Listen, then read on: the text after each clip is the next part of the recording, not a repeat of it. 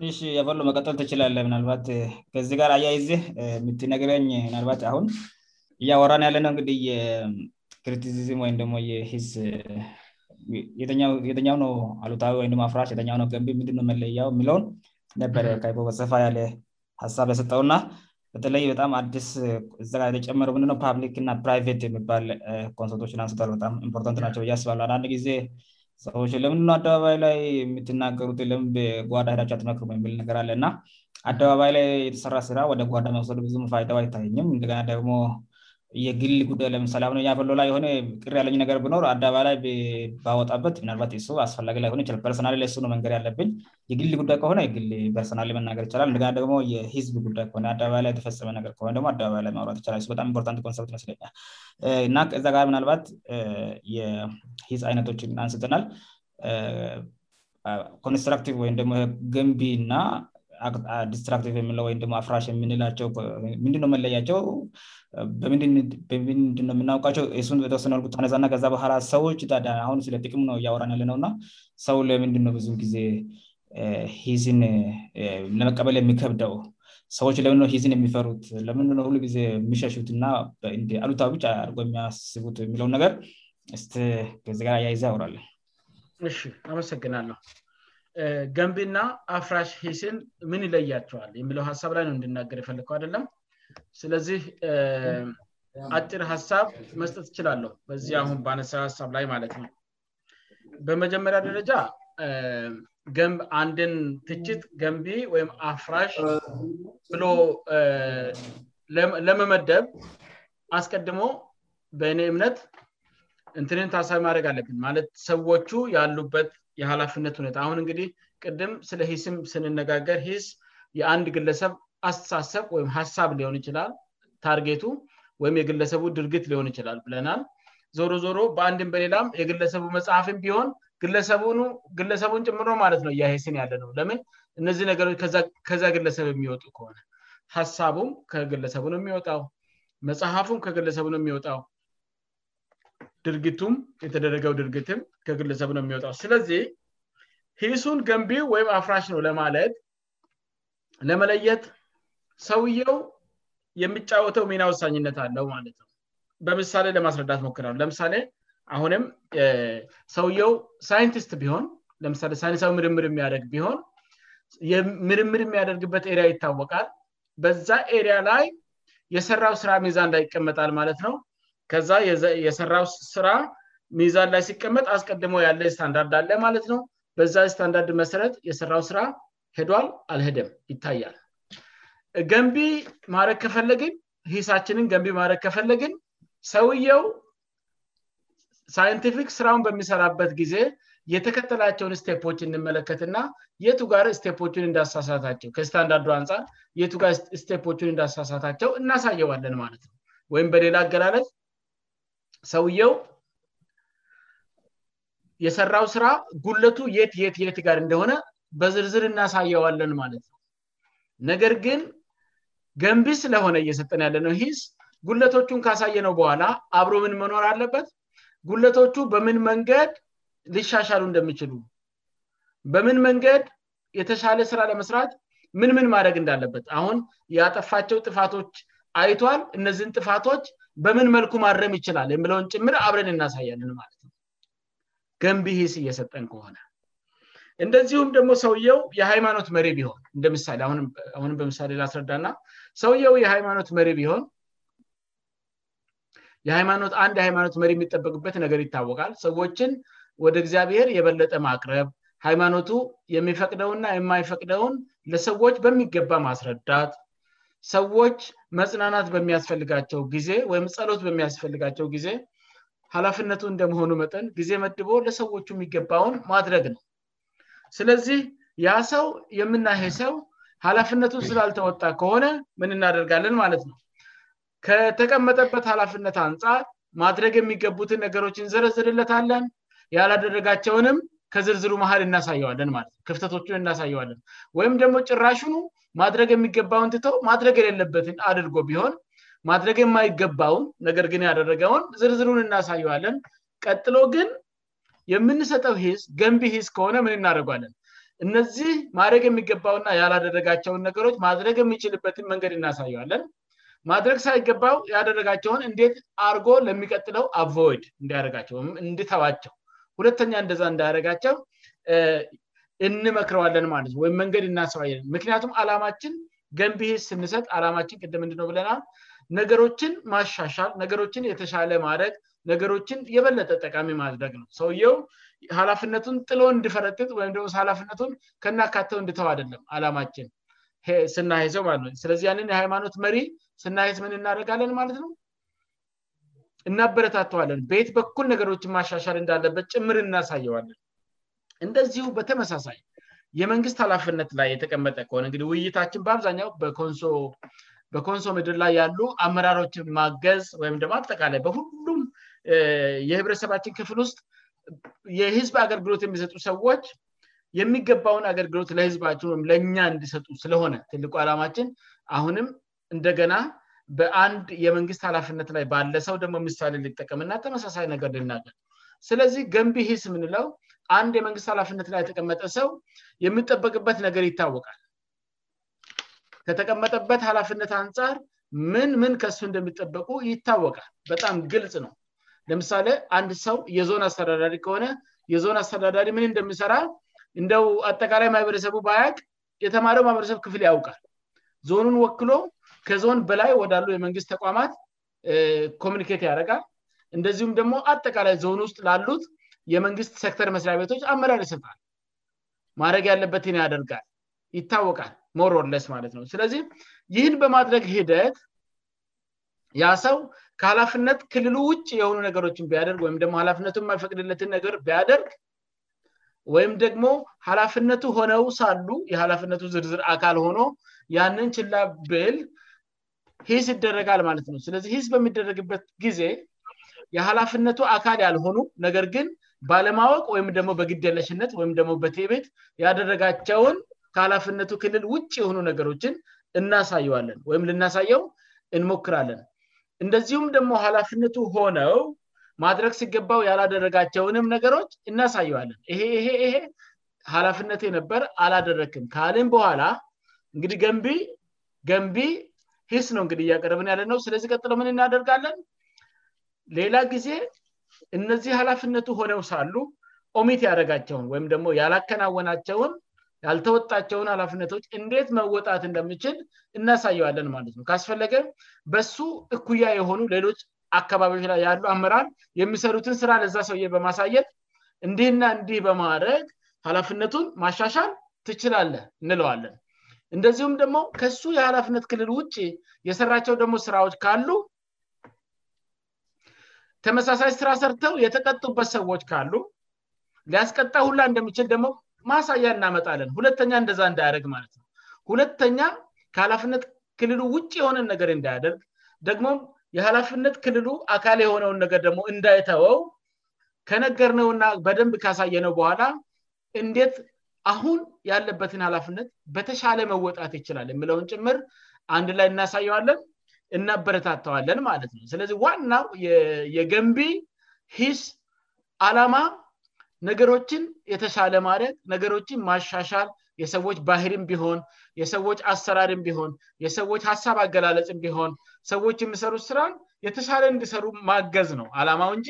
ሰዎቹን ኃላፍነታቸውን እንድተዉ ማድረግ አይደለም ስለዚህ አንድ ዋነኛ መለያው የገንቢ ስ ዋነኛው መለያ ምንድን ነው ካልን ክፍተቶች ካሉ ክፍተቶችን ካሳየ በኋላ ወይም ደግሞ ጥንካዎችም ካሉ ጥንካሪዎችን ካሳየ በኋላ አሁንም ነገሮች የተሻለ የሚሆኑበትን መንገድ ማሳየት ነው ማለት ነው ዋና አላማ የገንቢስ ዋና አላማ ነገሮችን አሁን ካሉበት የተሻለ ማድረግ ስለሆነ ክፍተቶችን ካሳዩ በኋላ ወይም ደግሞ ጠንካራ ጎኖችም ካሉ ካአበረታቱ በኋላ ከዚህ ቀጥሎ ነገሮች የተሻሉ የሚሆኑበትን መንገድ ማሳየት ነው ወደ አፍራሽ ወይም ደግሞ ገንቢ ያልሆነው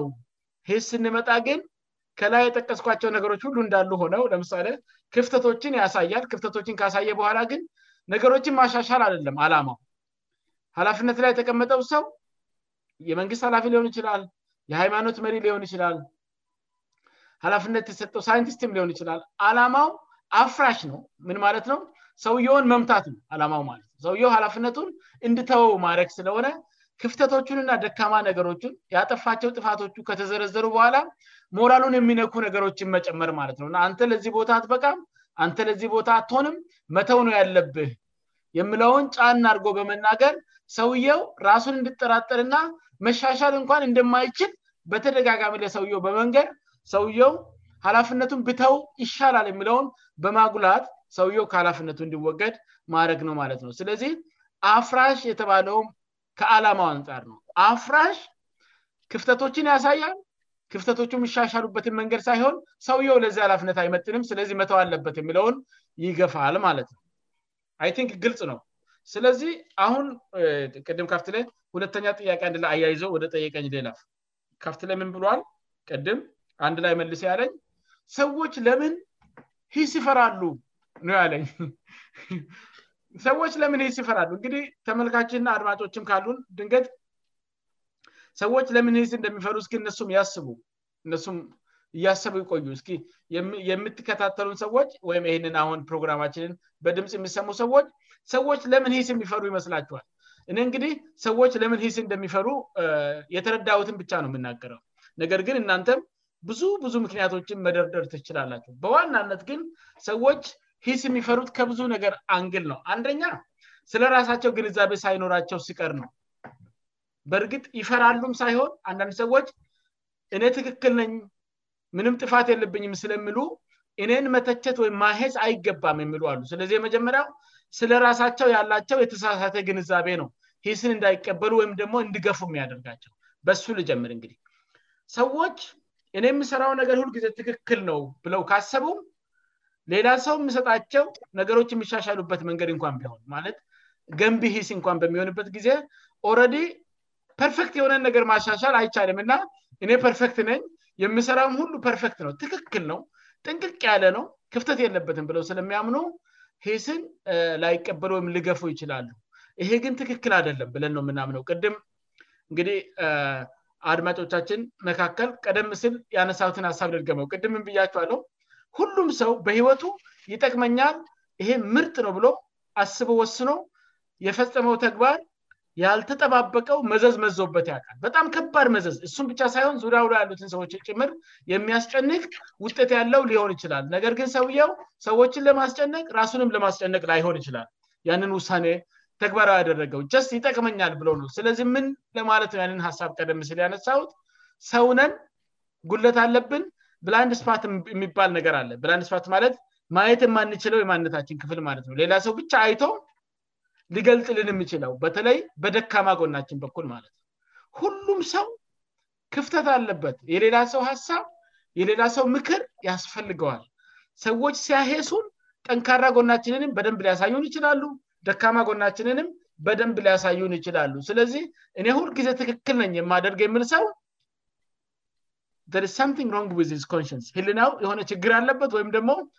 አሳሰቡ ልክ አደለም ማለት ጭንቅላቱ አይሰራም ይቅርታ እርጉልን ለቋንቋ ማለት ነው እኔ ትክክልነኝ የምልሁል ጊዜ አሁን እኔ እስካሁን በኖርኩት ህይወት የደረስበት ነው የነገርኳቸው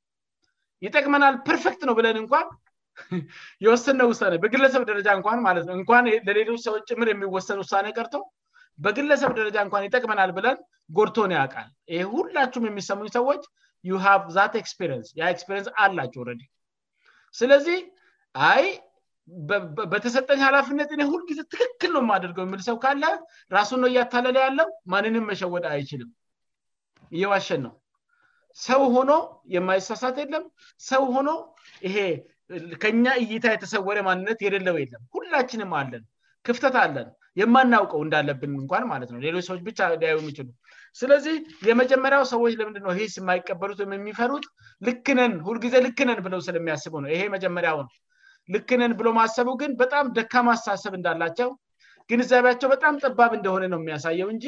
የተሻለ የማሰብ አቅም እንደሌላቸው ማሳያ ነው ማለት ነው ሁለተኛው በተፈጥሮ የሰው ልጅ መተቸት አይወድም የሰው ልጅ በተፈጥሮ መሞገስ ነ የሚወደው ሙገሳ ነው የሚወደው ሞራር ስንሰጠው በ መቅስ ስናደረግለ ስናጅበው አላ አደለም በ ንተ አንደኛ ኛ ዋናንተን ምናምን ስንለው ነው እንጂ ያጠፋቸውን ጥፋቶች እንደዚህ አደባባይ ስናወጣ አደለም ስለዚህ የሰው ልጅ ተፈጥሮ ቢሆንም አሁንም ቢሆን ለውጥ የሚያመጡ ሰዎች ማህበረሰባቸውን የሚለውጡ ሰዎች ሂሲን መዋጥ የሚችሉ ሰዎች ናቸው ኢህአዲግ ቤት እኔ ባልሰራም ብዙ የሰሩ ጓዳዮች አሉኝ ና አንድ የተለመደት ቋንቋ ነበረች ሂሲን ዋጥ ይባባላሉ አሉ ሂሱ እንግዲህ በውሃ ነው የሚወጡት ወይስ እንደዚህ በደረቁ አልገባኝም ግን እንደዛ የሚባል ቋንቋ አለ እና ምንላቸሁ ፈንጌ ነው ሂስ መዋጥ ሞት አደለም ወይም ሂስ መዋጥ ይጠቅማል ማለት ሰዎች ስለ ጥፋት ስነግሩኝ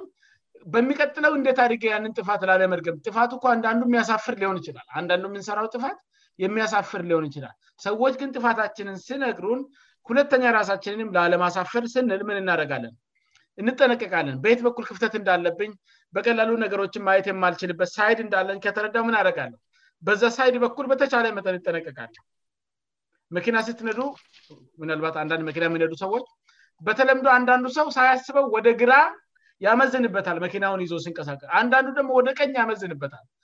ስለዚህ ወደየት እንደሚያመዝንብ ካወቅ በየት በኩል ችግር እንዳለብ ካወቅ ሁልጊዜ በዛ ሳይድ በኩል ይ መሃል መንገድ ላይ ለመንቀሳቀስ ማለት ነው በሃላፍነት አቅጣጣም ተመሳሳይ ነው ክፍተት በየት በኩል እንዳለብ ሰዎች ሲነግሩ እየረዱ ነው አንድም ሃላፍነትን በሚገባ እንድትወጣት እየረዱ ነው ህዝብን በአንተ መኪንያት እንዳይጎዳ ከአንተ በታች ያሉት የምትመራቸው ሰዎችን በአንተ ምክንያት እንዳይጎዱ እየረዱ ነው ሁለትም ደግሞ ሳታስብ ወጥን እንዳትረግጥ ረድሃል ወጥ መርገጥ የሚባል አባባላ ሳታስበው በርጫቅ እንዳታደርግ የማይሆን ክልሉስ ራሴን እንዳታገኝ ራሴን አደጋ ላይ እንዳትጥጥ ይረዳሃል ማለት ነው ዞሮ ዞሮ ስለዚህ ሁለተኛው ሰዎች በተፈጥሯቸው ደና ደና ጎናቸው እንጂ ደካማ ጎናቸው ስነገራቸው ስለማይወዱ ነው ሌላኛው ምናልባት ባለማያወቅ ሰዎች እይታቸው ስለምጠብ ነው ለምሳሌ እንደምንውልበትና አብዛኛውን ጊዜያችንን እንደምናጠፋበት ሁኔታ ነገሮችን የምናይበት እይታችን ይወሰናል ለምሳሌ መንፈሳዊ ነገሮችን በብዛት የሚሰራ ሰው ብዙ ነገወይም ሁሉንም ነገር በመንፈሳዊ እይታው ነው ለማየት የሚሞክረው በተመሳሳይ መንገድ ህክምና ቦታ የሚውል ሰው ሁሉንም ነገር የሚመለከተው ከህክምና ፃ አንግል ነው የሚያዩ ቤት ውስጥ እንኳን ኩሽና ውስጥ የሚሠራውን ስራ እንኳን በህክምና አንጻር ነው አእእምሮ ውስጥ የሚከሰቱለት የሚሆኑ ነገሮች ክፍተቶቹም ይሆኑ ቆንጆ ቆንጆ ነገሮች ፖለቲካ ዓለም ውስጥ ያሉ ሰዎችም በተመሳሳይ ሁሉንም ነገር በፖለቲካ እይታ ብቻ ነው የሚያዩት ይሄ ግን ትክክል አደለም በአጠቃላይ ለሀኪሙም ለፖለቲከኛውም ለሃይማኖት መሪውም ትክክል አደለም ሰፋ ያለ እይታ ያስፈልጋል ሰፋ አድጎ ነገሮች ማየት ያስፈልጋል ስለዚህ የምንላቸው ፈልጌ ነው እይታቸው በሆነ በሆነ አስተሳሰብ ከተቃኘ ሰዎች ከዛ አስተሳሰብ ውጭ የሚመጡ ሂሶችን አውቶማቲካ ሮንግ አርገው ይቆጥራሉ እሱም ግን ትክክል አደለም የግዴታ ፖለቲካ ውስጥ ያለ የእነሱ ወገን የሆነ ሰው ሂስ እንዲያረጋቸው ይጠብቃሉ ሌላው ሁሉ ግን ሂስ ሲያረጋቸው አውቶማቲካሊ ትክክል አደለም ብለው ይዘጋ ነ እሱም ትክክል አደለም ይሄ የእይታ መጥበብን ነው የሚያሳየው ስለዚህ እንግዲህ ሀላፍነት ላያሉ ሰዎች በእርግጥ ጊዜ ሊያጠራቸው ይችላል ቢሆንም ግን ሰፋ ያለ እይታ እንዲይዙ ይጠበቃል በምሳሌ ላ ለምሳሌ የኢትዮጵያው ጠቅላይ ሚኒስትር ሰፋ ያሉ እይታዎች አሉት ብለን እናስባልን አለ ስለ ሃይማኖት ማውራት ቢፈልግ በቂ ነገር ማውራት ይችላል ስለ ፖለቲካው በቂ ማውራት ይችላል ስለ ታሪክ በቂ ነገር ማውራት ይችላል ስለ ማህበራዊ ህይወት ስለ ኢኮኖሚ በቂ ነገር ማውራት ይችላል የእኛዎቹም ተመሳሳይ ነገር ይጠበቅባቸዋል ብለን እናስባለን በተለይ የእኛን ህዝብ የሚመሩ የእኛ የዞን መሪዎች ለምሳሌ ሄስን መፍራት የለባቸው እይታቸው በጣም በፖለቲካው ብቻ ልያዝ አይገባም የፓርቲ ጫዋታ ብቻ መሆን አይገባም በተቻላቸው መጠን እይታቸው ማስፋት አለባቸው የሚል ሀሳብ አለች ስለዚህ በሁለተኛ በሶስተኛ ደረጃ የተናገርኩት የእይታ መጥበብ ነው ከተያያዙበት አስተሳሰብ አንጻር የእይታ መጥበብ ሄስን እንዳይቀበሉ ወይም ደግሞ እንድገፉ ያደርጋቸዋል ሌላው ሌላው አራተኛ አራተኛ ብዬ ላብቃ በእርግት ብዙ ነገር ማለት ይቻላል ግን ጊዜውን እኔ ብቻ እንዳልጠቀም አራተኛ ብዬ ላጥቃና አራተኛው አራተኛው ያጠፉት ጥፋት ክፉ እንደሆነ ለህልናቸው እንኳ የሚታወቃቸው ከሆነ ሰዎች እንዲጋለጥ አይፈልጉም እንዲጋለጥስን ሌላ ሰው ያንን ነገር እንዲያቀ አይፈልጉም ሌላ ሰው ደግሞ አውቆ እንዴት እንዲያሻሽሉ እንኳ መንገድ ስነግራቸው መታወቁ ነው የሚያሸማቅቃቸው ከዛ የተነሳ ሙሉ በሙሉ ለክርሲዝሙ ጆሮ አይኖራቸው ነው ለሂሱ ጆሮ አይኖራቸው ለምን ነገርየው በጣም የሚያሳፍድ ሊሆን ይችላል ሰሩ ያንን ነገር ሌላ ሰው እንዳወቀ በሚያሄሳቸው ጊዜ ያውቃሉ ማንነው ዞ ለምሳሌ እንድህ እንድጥፋ ሰርታል ብለው ሰዎች ስነግሯቸው ኦረዲ ታውቆባቸዋል ማለት ነው እና ራሳቸውን ለመከላከል ህልናቸው እንኳን እያምመው ጥረት ያደረጋነ ይፍጨረጨራሉ ይህም እንግዲህ የሰው ልጅ ተፈጥሯዊ ማንነት ነው እዚሁ ጋር ብቃና ምናልባት ሌሎቻቸሁም ልትጨምሩበት ይችላላችሁ አመሰግናለሁ